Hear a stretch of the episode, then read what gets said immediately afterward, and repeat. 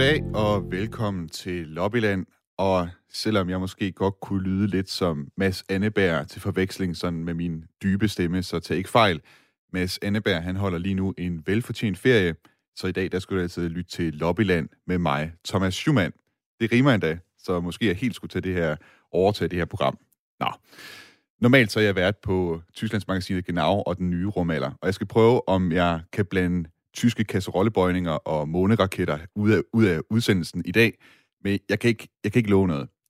Jeg til gengæld glæder mig rigtig meget til i dag, for det er nogle spændende emner, som vi har forberedt og som vi skal tale om i dag. Lige efter nyhederne kl. 10.30, så skal vi eksempelvis diskutere, om det er okay for Twitter at smide politikere som Donald Trump af deres platform, og om det i Europa måske vil give mening, at det var EU, der gik ind og tog den slags beslutninger, i stedet for at det overlades til en eller anden tilfældig programmør. Jeg kunne godt tænke mig at høre, hvad du mener derude. Kunne EU være løsningen her, altså som en slags dommer over sociale medier? Skriv ind på sms'en på 1424, start beskeden med R4, og så din besked. Vi starter nu i midlertid et helt andet sted. Please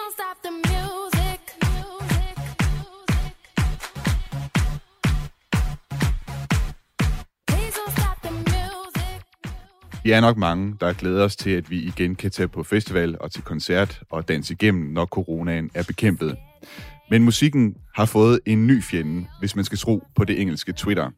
Lige nu der trender hashtagget Boris Killed Music – altså Boris Johnson, skulle have slået musikken ihjel.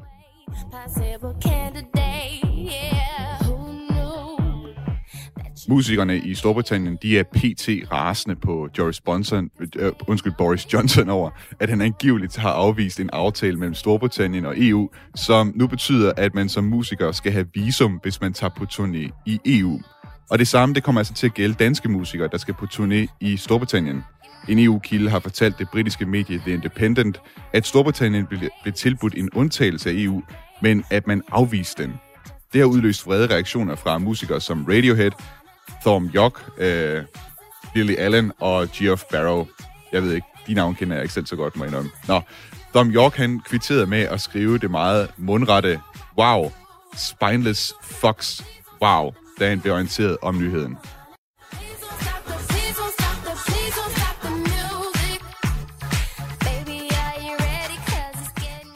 Den britiske musikorganisation The, Musician, The Musicians Union, der huser over 30.000 medlemmer, udsendte en pressemeddelelse, hvor de skrev, fordi den britiske musikindustri er blevet ødelagt af covid-19, og der ikke er nogen udsigt til, at det slutter, så er nyheden om vores egne valgte repræsentanters afvisning af sådan et tilbud næsten utroligt. I går der havde min kollega Sandy West en snak med Crispin Hunt, der er bestyrelsesmedlem i The Ivers Academy, som er en organisation i England for musikere, og han pegede på især tre store problemer. Det vil virkelig være et problem for britiske festivaler, fordi det vil gøre det svært at lokke folk til England og spille. Derudover så skaber det en barriere for britisk musiks mulighed for at rejse. Det kommer til at ramme de små artister mest, fordi de endnu ikke har økonomisk pondus til at betale for visa i alle EU-lande, når de skal på turné. Og hvis ikke de får øh, og hvis du ikke får de små øh, stjerner ud over rampen, så kommer du ikke til at have store stjerner i længden. Det giver meget god mening. Derudover, øh, men, men derimod så giver det ikke nogen mening, hvis du arbejder i øh, banksektoren i Storbritannien, at du fortsat kan arbejde uden et visum, men hvis du som musiker skal ud og arbejde i EU, så skal du have et visum. Crispins overordnede reaktion øh, var, at det må være en fejl, og det er virkelig en dårlig nyhed for britisk musik.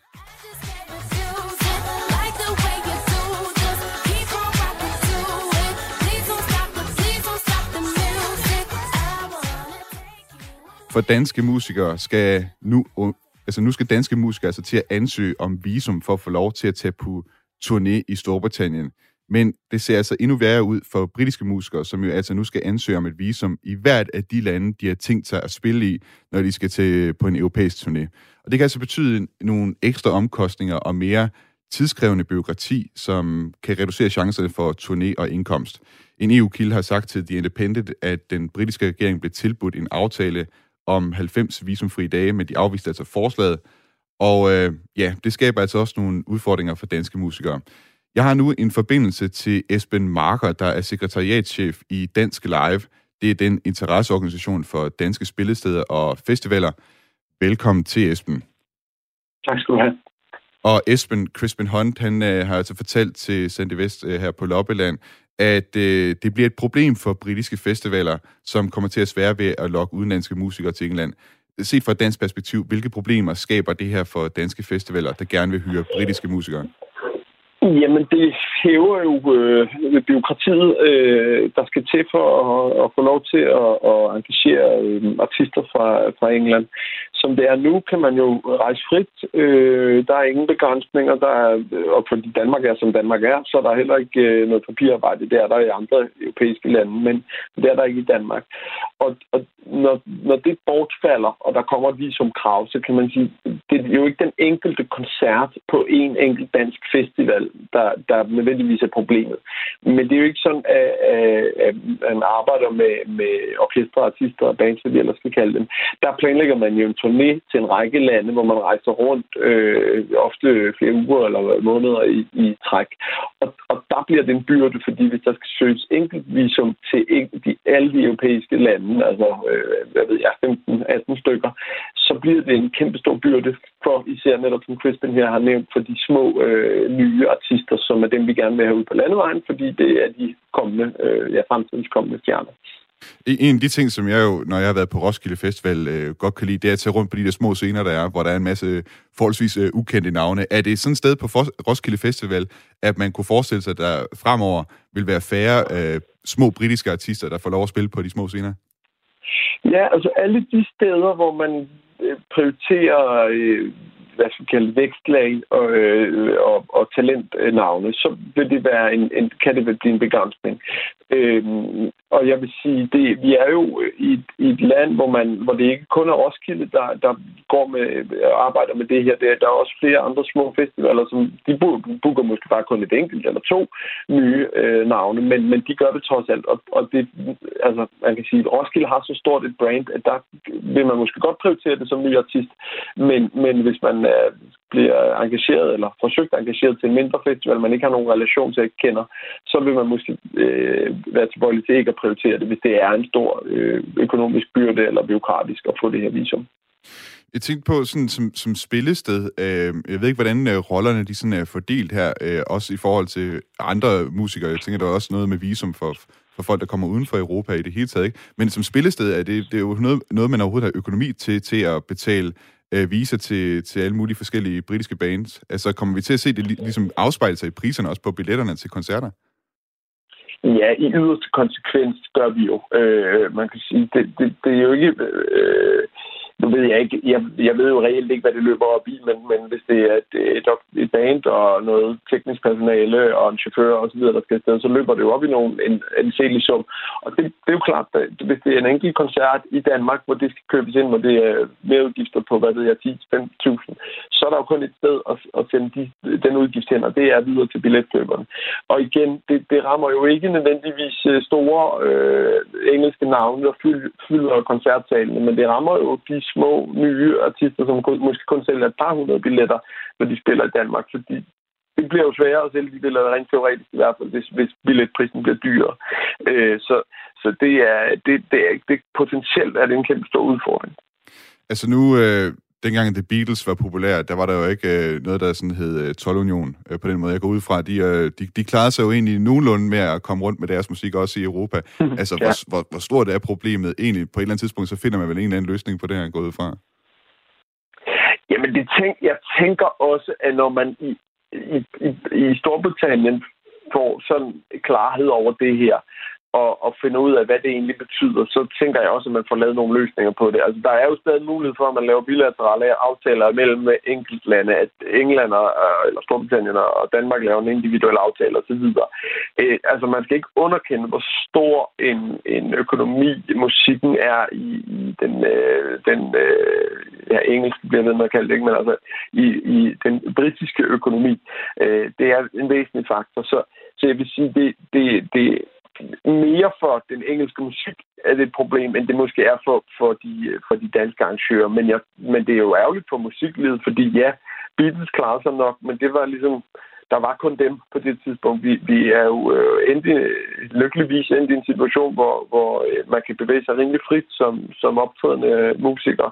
og, og spille øh, i hele verden i virkeligheden, uden de store øh, besværligheder. Øh, og det skulle vi jo gerne blive ved med, fordi det er det, der gør os klogere og lader inspirationen flyde frit.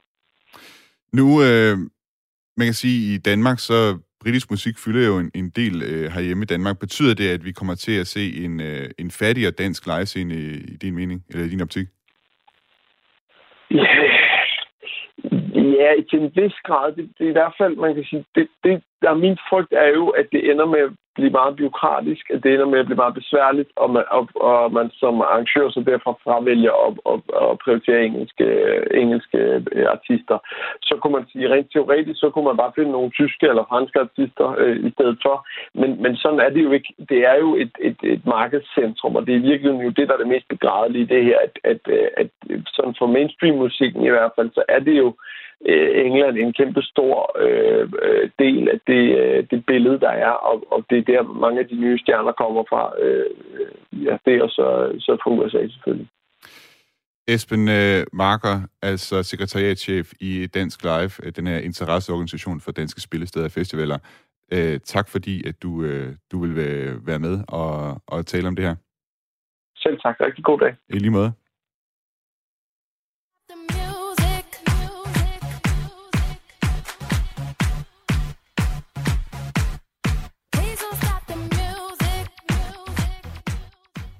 Nu skal vi høre fra en anden, som øh, også har en, en, øh, hvad skal man sige, øh, som, som også øh, bliver på, vil på, blive påvirket af det her. Det er Anders Meisner fra organisationen Music Export Danmark, som blev etableret tilbage i 2004 med henblik på at etablere en mere effektiv eksponering af dansk musik i udlandet.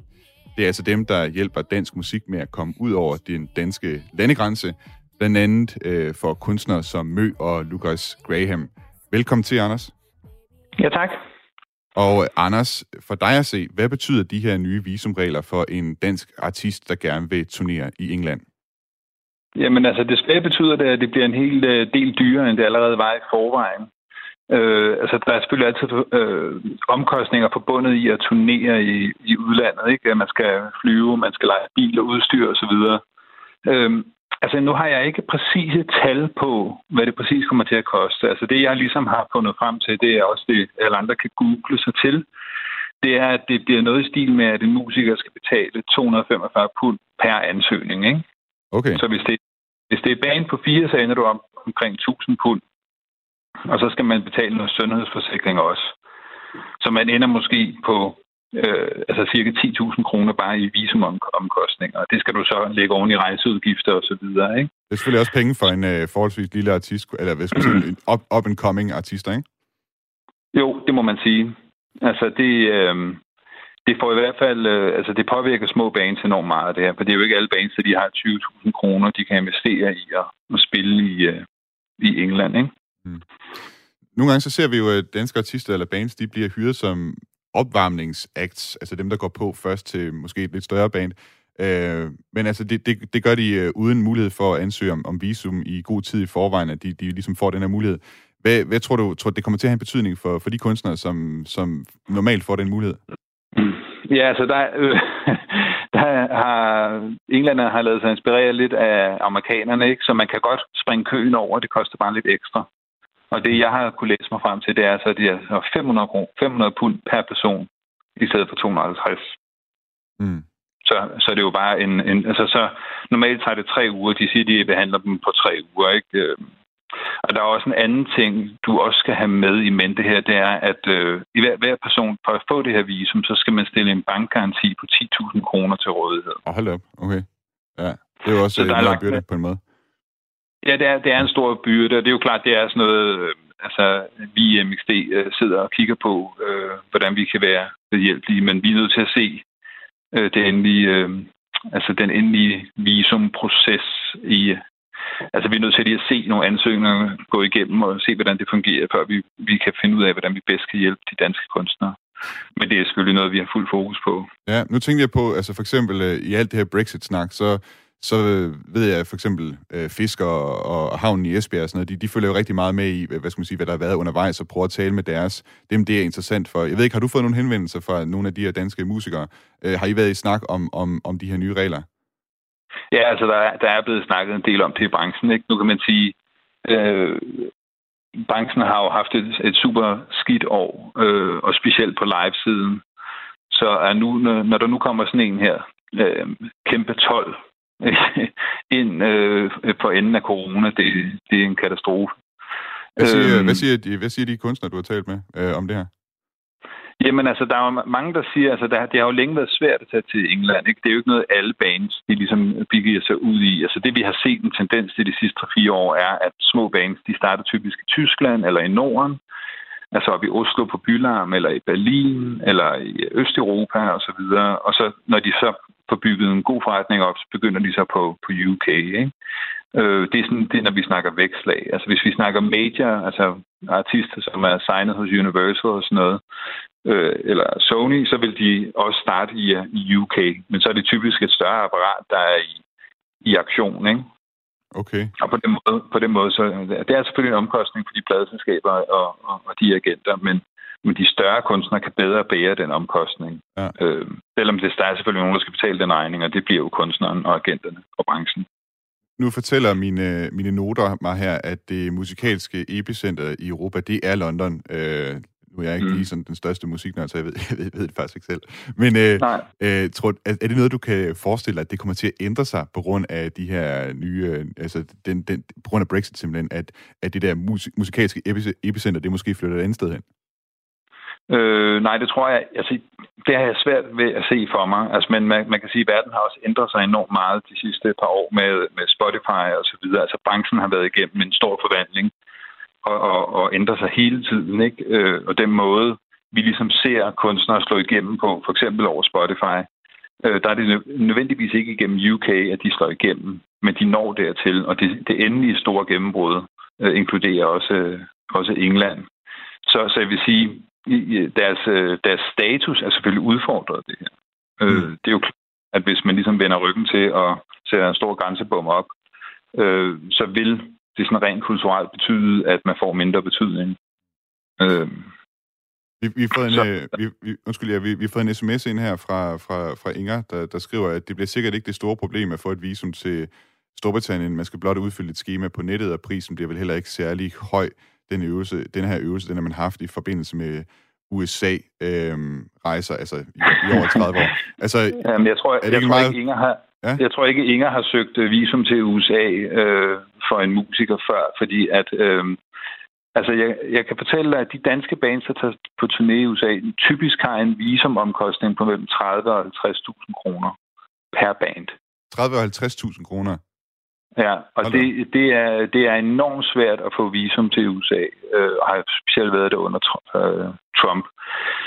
Øh, og det afhænger altså også af, at du skal have oversat en masse dokumenter til engelsk, og det skal du have gjort af en officiel oversætter, og det koster penge. Du skal helst hyre en advokat. Altså chancen for, at du får afvist din ansøgning, din visumansøgning til USA, hvis du ikke har en visumadvokat på, er meget stor. Så de store professionelle bands, altså sådan nogle som Lucas Graham for eksempel, de er nødt til at hyre en advokat, for de kan ikke tage risikoen i at, at, at blive afvist på grund af at, altså, en eller anden tilfældighed.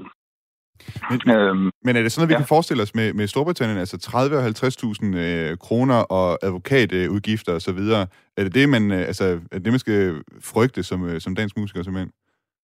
Altså, jeg, jeg, jeg tror ikke, det bliver lige så slemt som, øh, som USA. Øh, men, øh, men jeg tror, at man skal, som bane skal regne med, at det kommer til at koste altså mindst 10.000 kroner i visumomkostninger, hvis man nu er fire stykker. Ikke? Det vi ikke ved, det er, hvor længe det her visum øh, øh, holder. Og det, som øh, hende, der skrev sms'en, Inger, det også skal huske på, det er, at for en musiker, der skal over spille, så skal personen have et temporary work permit. Så det er ikke et turistvisum, man rejser på, og det er det heller ikke i USA.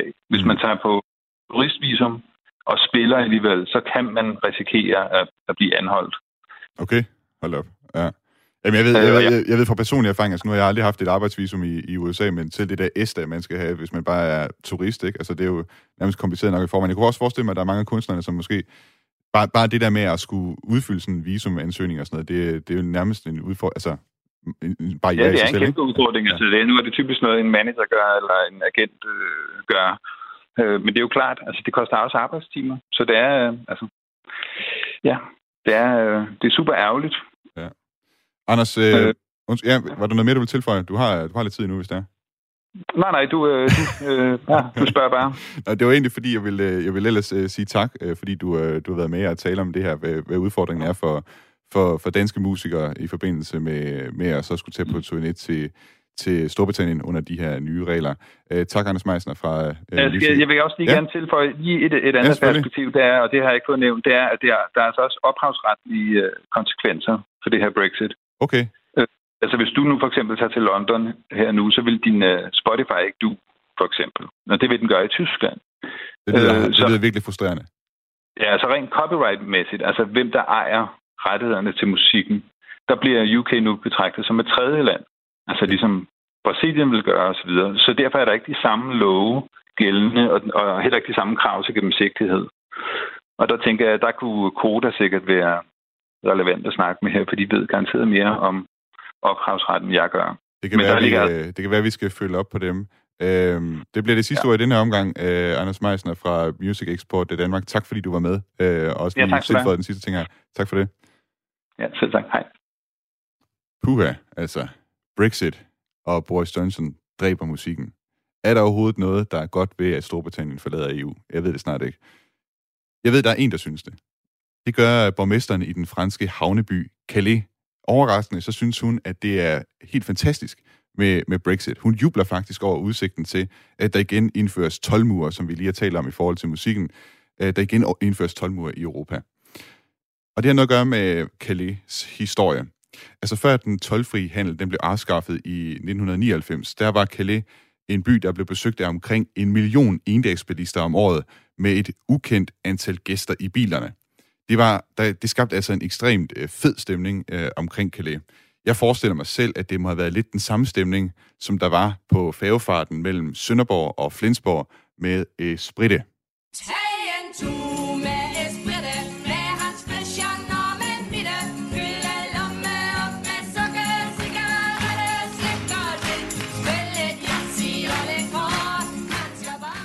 Man skal bare forestille sig sangen på fransk eller engelsk, tænker jeg.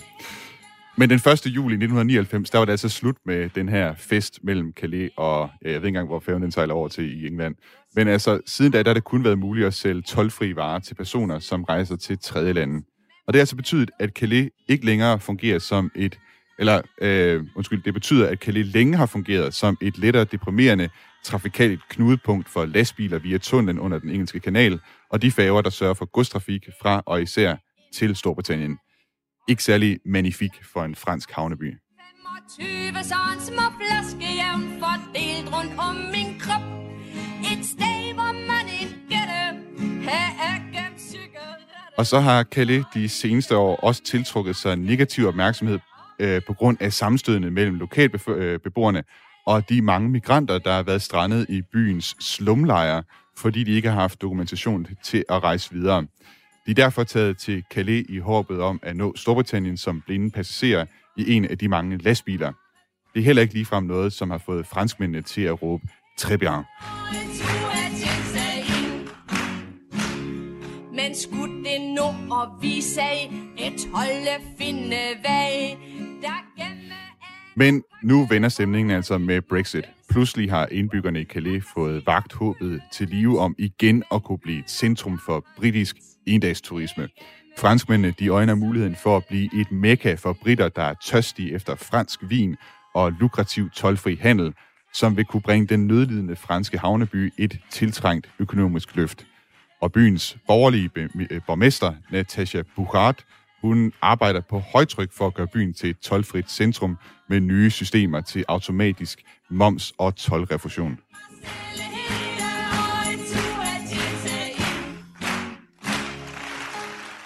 Og Natasha, hun øh, arbejder formentlig i døgdrift, hvilket højst sandsynligt er derfor, vi ikke har kunne få fat på hende her i Lobbyland. Vi vil ellers gerne have lavet et interview med hende. Men øh, hun og resten af Calais, de gør altså klar til den britiske innovation anno 2021.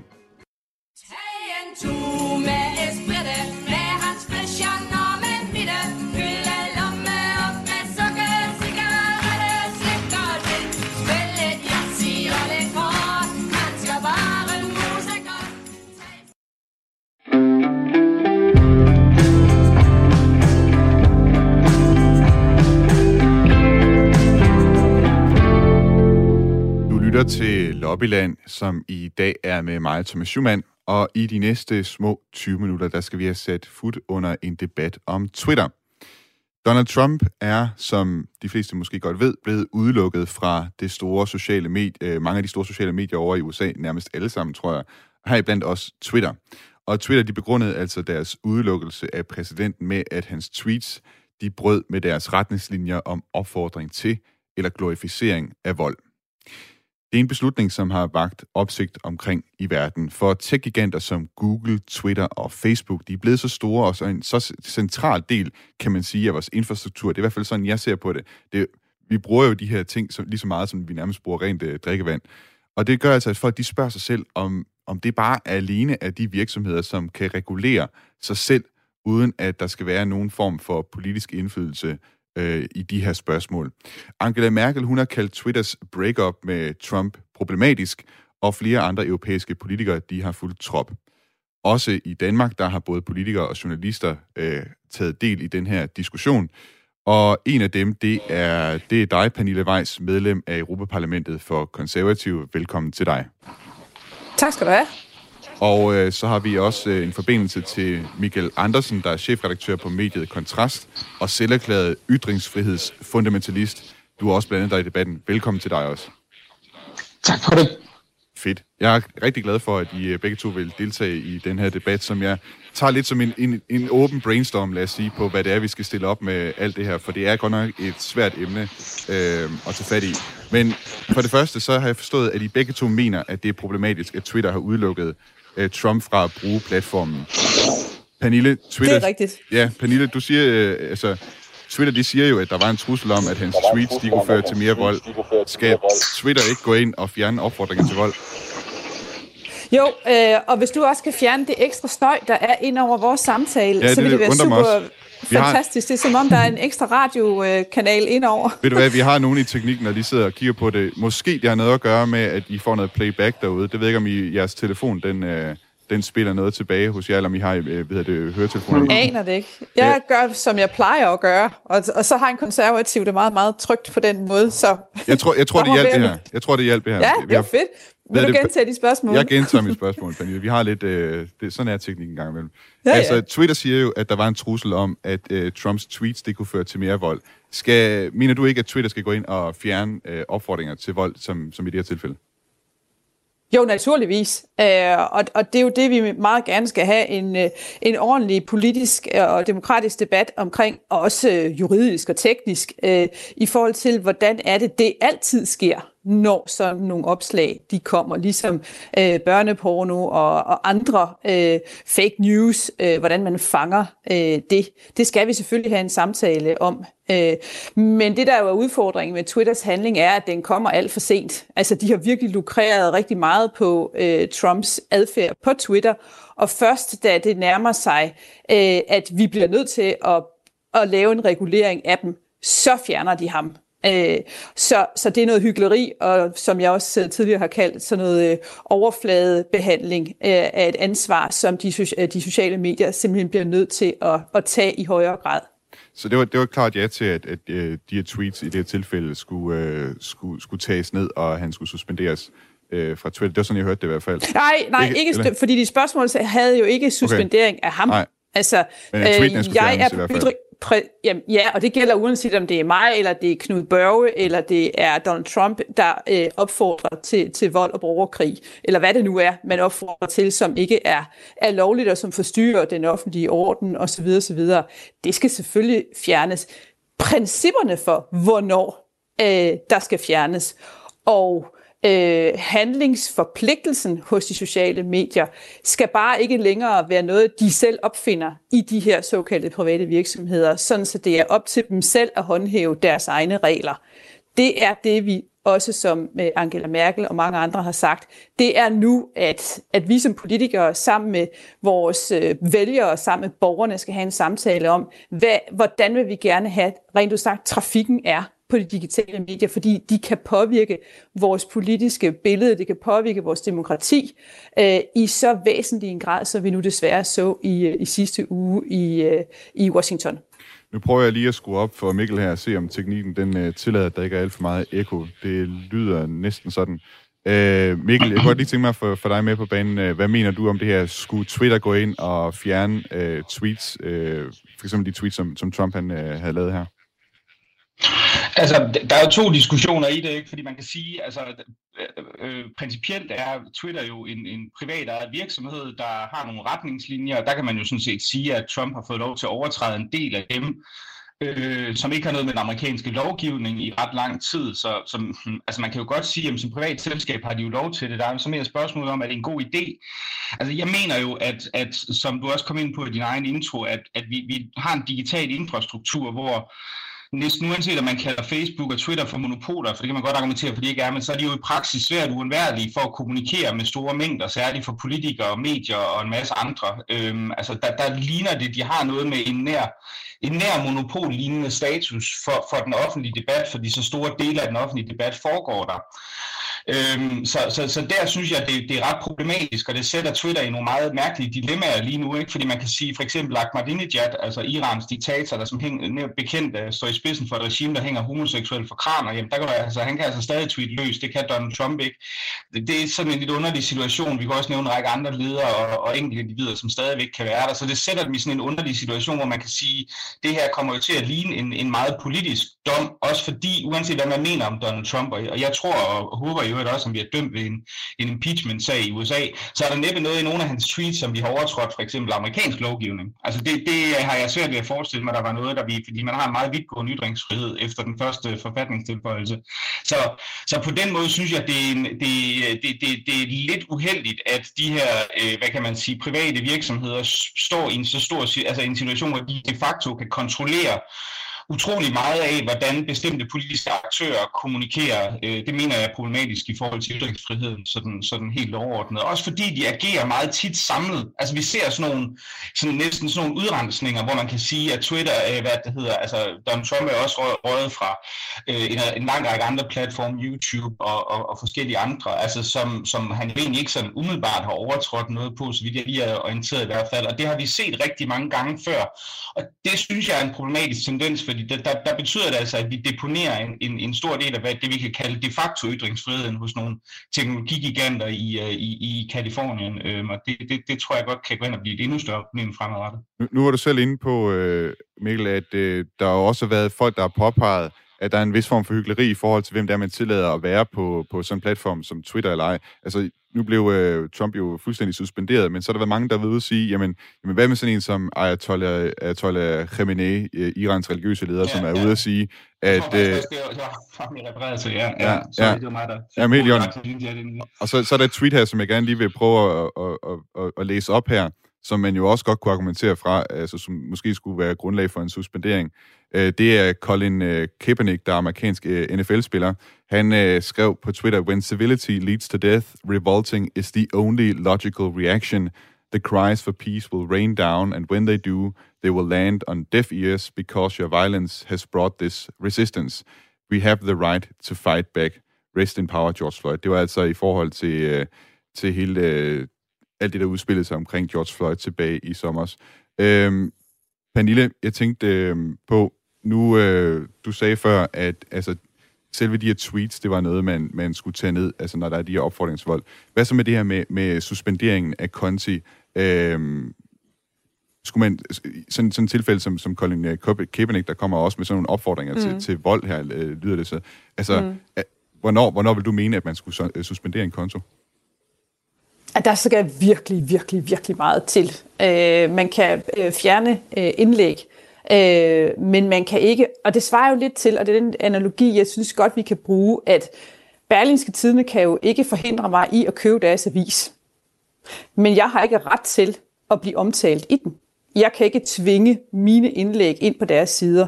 Det er deres ret at afvise dem. Men de kan ikke forbyde mig at læse deres avis, de kan ikke forbyde mig at købe den, øh, hvis jeg vil det.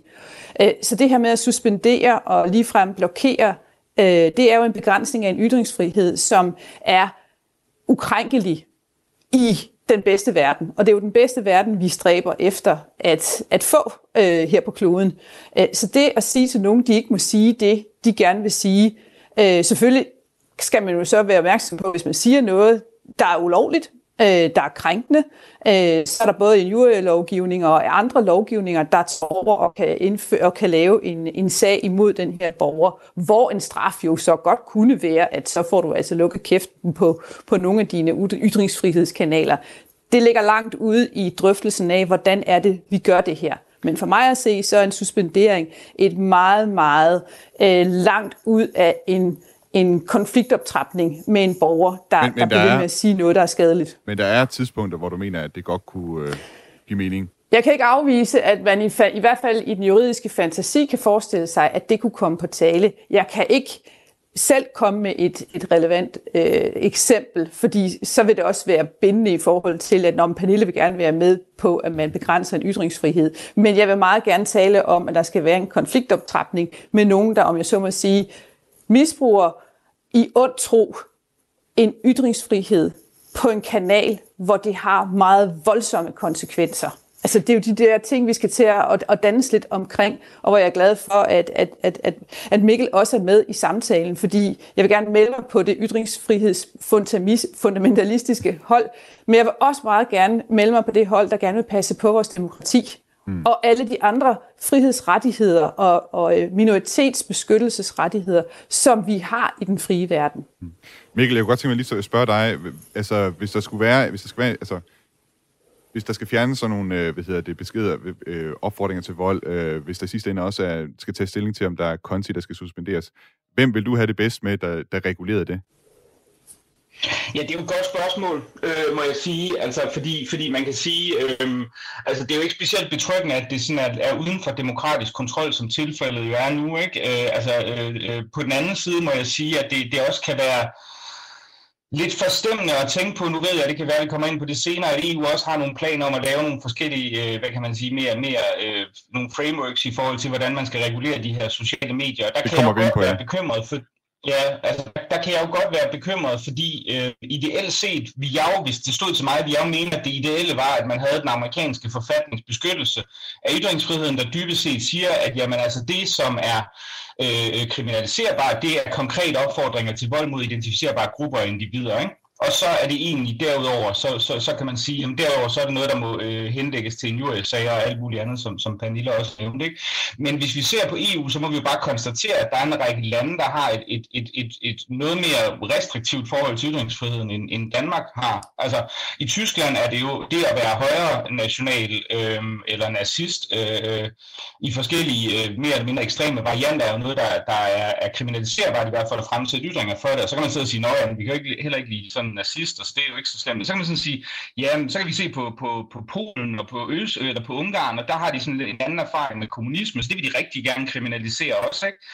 Øhm, altså øh, sådan pro-socialistiske ytringer i, på, den, på den yderste venstrefløj, så kan man, altså, og, og, og hvis vi går den vej, at vi, vi, vi, vi accepterer, at der bliver lagt en relativt lav fællesnævner for politiske ytringer, øh, som vi altså har set i en lang række EU-lande, så kunne jeg godt blive nervøs for, at det bliver et meget snævert spillerum for den ytringsfrihed, som jeg mener er ret nødvendigt. Og det er jo ikke fordi, jeg har, det er ikke fordi, jeg sidder og tænker, at det er synd for nazister, de ikke kan sige, hvad de gerne vil have. Men jeg mener jo, at det bedste våben med, i forhold til at, og, og, hvad kan man sige, at imødegå, jeg har selv tilbagevist holocaust benægter igennem en 20 år, men det, og jeg mener ikke, de skal forbydes, som de også er i Tyskland.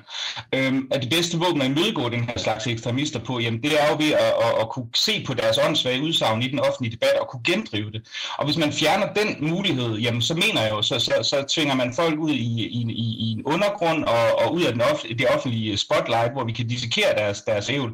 Øh, og, og det, er jo det, det er jo den situation, jeg er bange for. Øh, og, og det er jo det, jeg godt kan frygte, når man begynder at snakke om, at vi egentlig bare skal have det hele underlagt en form for statslig kontrol. Lige nu, øh, du, du var selv inde på det her med, med, med EU's øh, regulering. Øh, jeg tænker lige, øh, Mikkel, det er hvad vi lige skal have dig over på en telefonforbindelse. Den her øh, Thailand-forbindelse, ja, ja, den, den, den, den er lidt skrættende, så vi prøver okay. lige... Jeg skruer lige ned for dig her, så prøver vi lige at få dig over på en øh, telefonforbindelse her. Øhm, og så tager vi lige fat på det, som han også øh, var inde på her, øh, nemlig at der på EU-plan øh, også er, hvad skal man sige, noget regulering øh, på vej. Øhm, også på indholdssiden af, hvad det er, der foregår på, på sociale medier.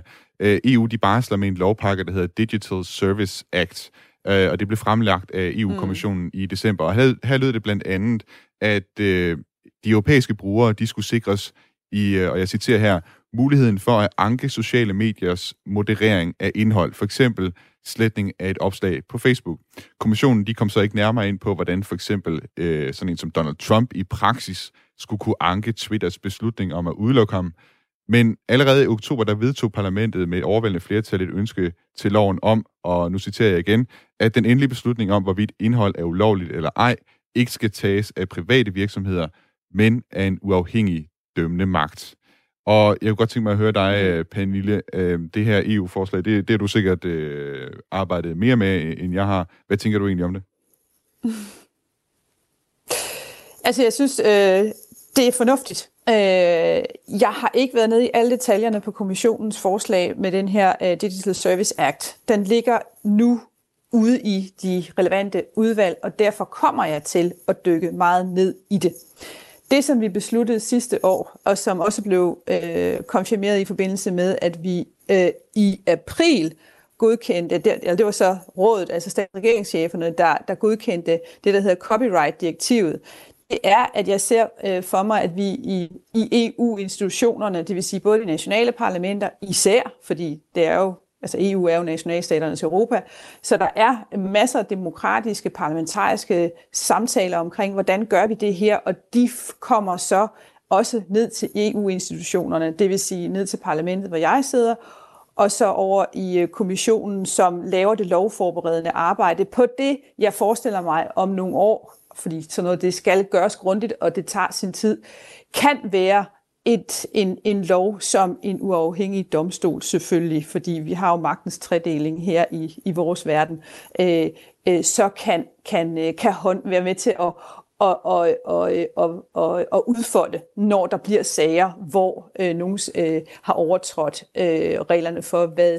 hvad de må, enten borgere eller organisationer, partier, politikere, som har sagt noget, de ikke må, øh, øh, og har fået lukket kæften eller fjernet et, øh, et opslag, at så kan det indklages for den her domstol, sådan så vi får en lighed for loven, også når det gælder øh, for, for, for, hvad man må øh, øh, bringe på, på de sociale medier. Så jeg ser for mig, at ligesom at EU øh, for år tilbage bøvlede gevaldigt med at øh, beskytte borgernes data, øh, men alligevel lykkedes med at lave GDPR-lovgivningen, øh, som er udskældt, men også som er ros til skyerne, øh, for at den dog trods alt netop gør det, der er udfordringen, nemlig at beskytte borgerens øh, personlige data imod misbrug på øh, en øh, Øh, i den digitale verden, hvor det er så nemt for os at, øh, at dele også meget fortrolige oplysninger, og hvor min adfærdsprofil som, som menneske, og hvad jeg køber, og hvad jeg og dit du den datten,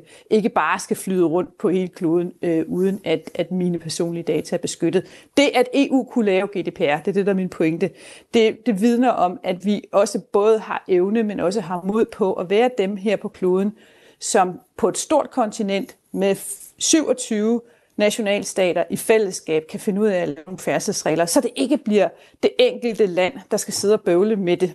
Øh, og, og Danmarks størrelse taget i betragtning, så vil det jo være en noget nær fuldstændig umulig opgave øh, at gøre. Vi kan godt have nogle meninger om det, men vi vil aldrig nogensinde kunne komme til at håndhæve dem.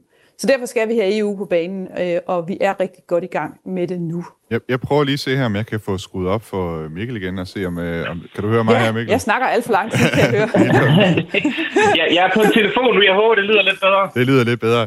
Mikkel, øh, vi talte her om øh, den, øh, det, det, som man arbejder på i EU med Digital Service Act, altså prøve at lave en anden form for regulering af det her med sociale medier. Du er selv inde på, at, at i Tyskland eksempelvis, der har man en anden opfattelse af, af hvor ytringsfrihedens grænser går. Er du betrykket ved, øh, at EU-systemet går, går ind og laver nogle, nogle regler for det her? Altså ikke umiddelbart, øh, øh, ikke helt i hvert fald. Altså, altså problemet er, at, at, at man kan sige, at en række EU-lande, og også nogle af de større, har et lidt andet forhold til, til, til ytringsfrihed, end, end, end i hvert fald øh, USA øh, har, og, og egentlig også Danmark. Altså vi har, en, vi har en relativt vidtgående ytringsfrihed. Altså vi har naturligvis racismeparagrafen, som, som, som sætter nogle begrænsninger, som jeg også fordi jeg mener, at, at kollektive rettigheder, som man jo giver for via, via den her paragraf, synes jeg er noget andet underligt noget. Men det har man altså langt mere vidtgående i en række lande, og det, det gælder både i forhold til, til diverse øh, køns- og seksuelle minoriteter og alle mulige andre, og man har det for politiske grupper, som man så forbyder øh, og, og sige ting i forskellige lande. Så jeg nævnte, jeg nævnte Polen, hvor man for eksempel meget gerne vil forbyde kommunistisk, pro-kommunistisk mm. propaganda. Vi kunne tage Tyskland, hvor man altså igen er, er ude efter den yderste højrefløj.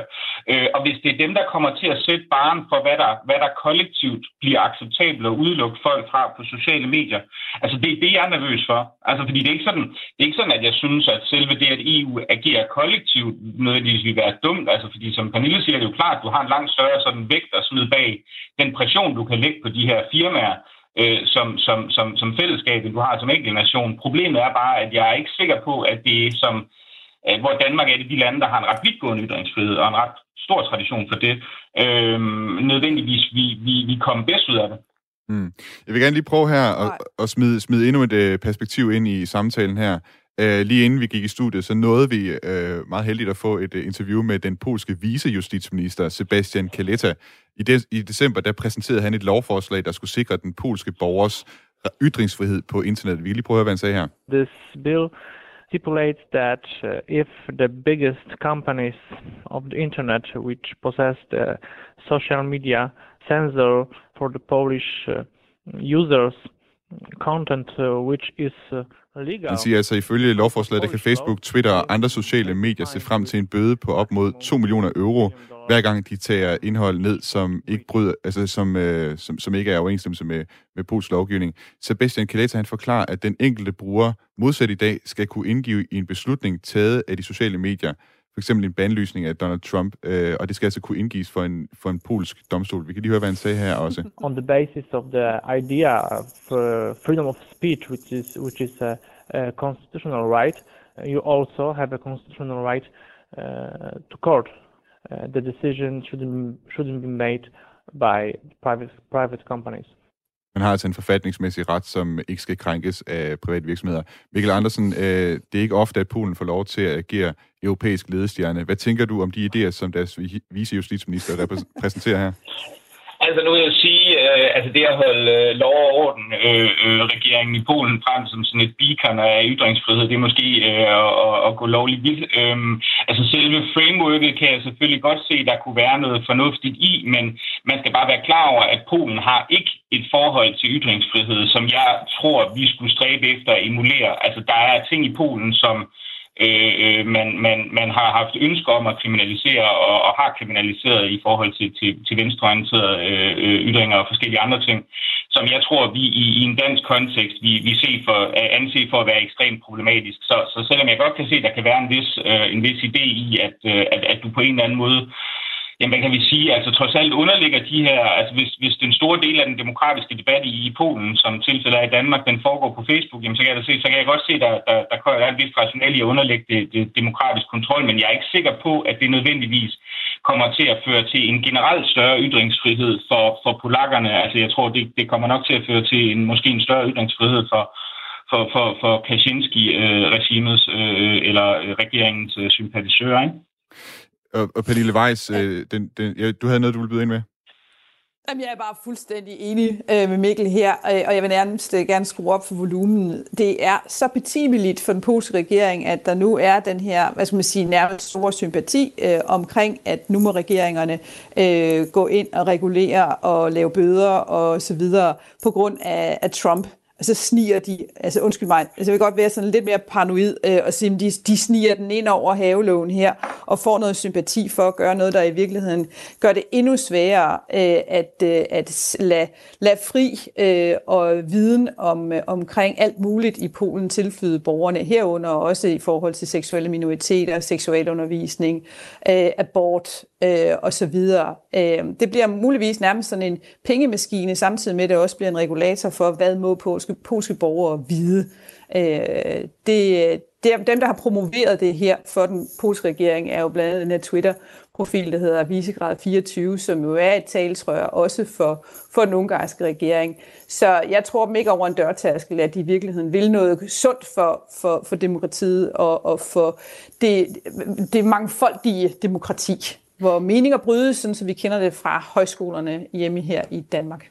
Det blev øh, det sidste ord i den her debat, vi bliver nødt til at runde af, her, runde af her. Tak fordi I var med, begge to. Pernille Weiss, øh, medlem af Europaparlamentet for Konservativ, og Mikkel Andersen, chefredaktør på Kontrast. Mange tak. Velbekomme. Velbekomme. Ja, det er godt. Og øh, vi har et øh, lille minuts tid til at runde af på dagens udsendelse af Loppeland, øh, som i dag har været med mig, Thomas Schumann. Så vi lige kunne tage nogle af de sms'er, der er kommet ind øh, fra jer derude. Øh, en, der hedder Petersen her fra København, der skriver, enkelte tweets kan fjernes, men det er langt ud af, at Twitter og andre fjerner en lovligt valgt præsident, og generelt er det jo dokumenteret øh, en bias, som rammer konservative. Det er hverken rimeligt eller vejen frem. Og så er der en her, der skriver, Øh, Radio 4, der findes ikke et tweet, hvor Trump opfordrer til vold. Derimod er der tusinder af tweets med demokrater, der støtter Antifas og BLM's vold og plyndringer. Øh, og så var der nogen, der også øh, lige brokkede sig over forbindelsen, som vi havde lidt øh, udfordringer med her. Jeg når desværre ikke at komme rundt om flere af jeres øh, sms'er herind. Jeg håber, I øh, fik noget ud af det. Og så vil jeg ellers bare sige, øh, tak for i dag, og, og det har været en fornøjelse at være vært på, på Loppeland. I næste uge, der kan I så høre uh, Mads Anneberg komme tilbage. Han overtager også blandt andet mit uh, program, eller i hvert fald min sendeflade. Indtil vi lyttes ved igen, så vil jeg bare ønske jer alle sammen derude en god uge.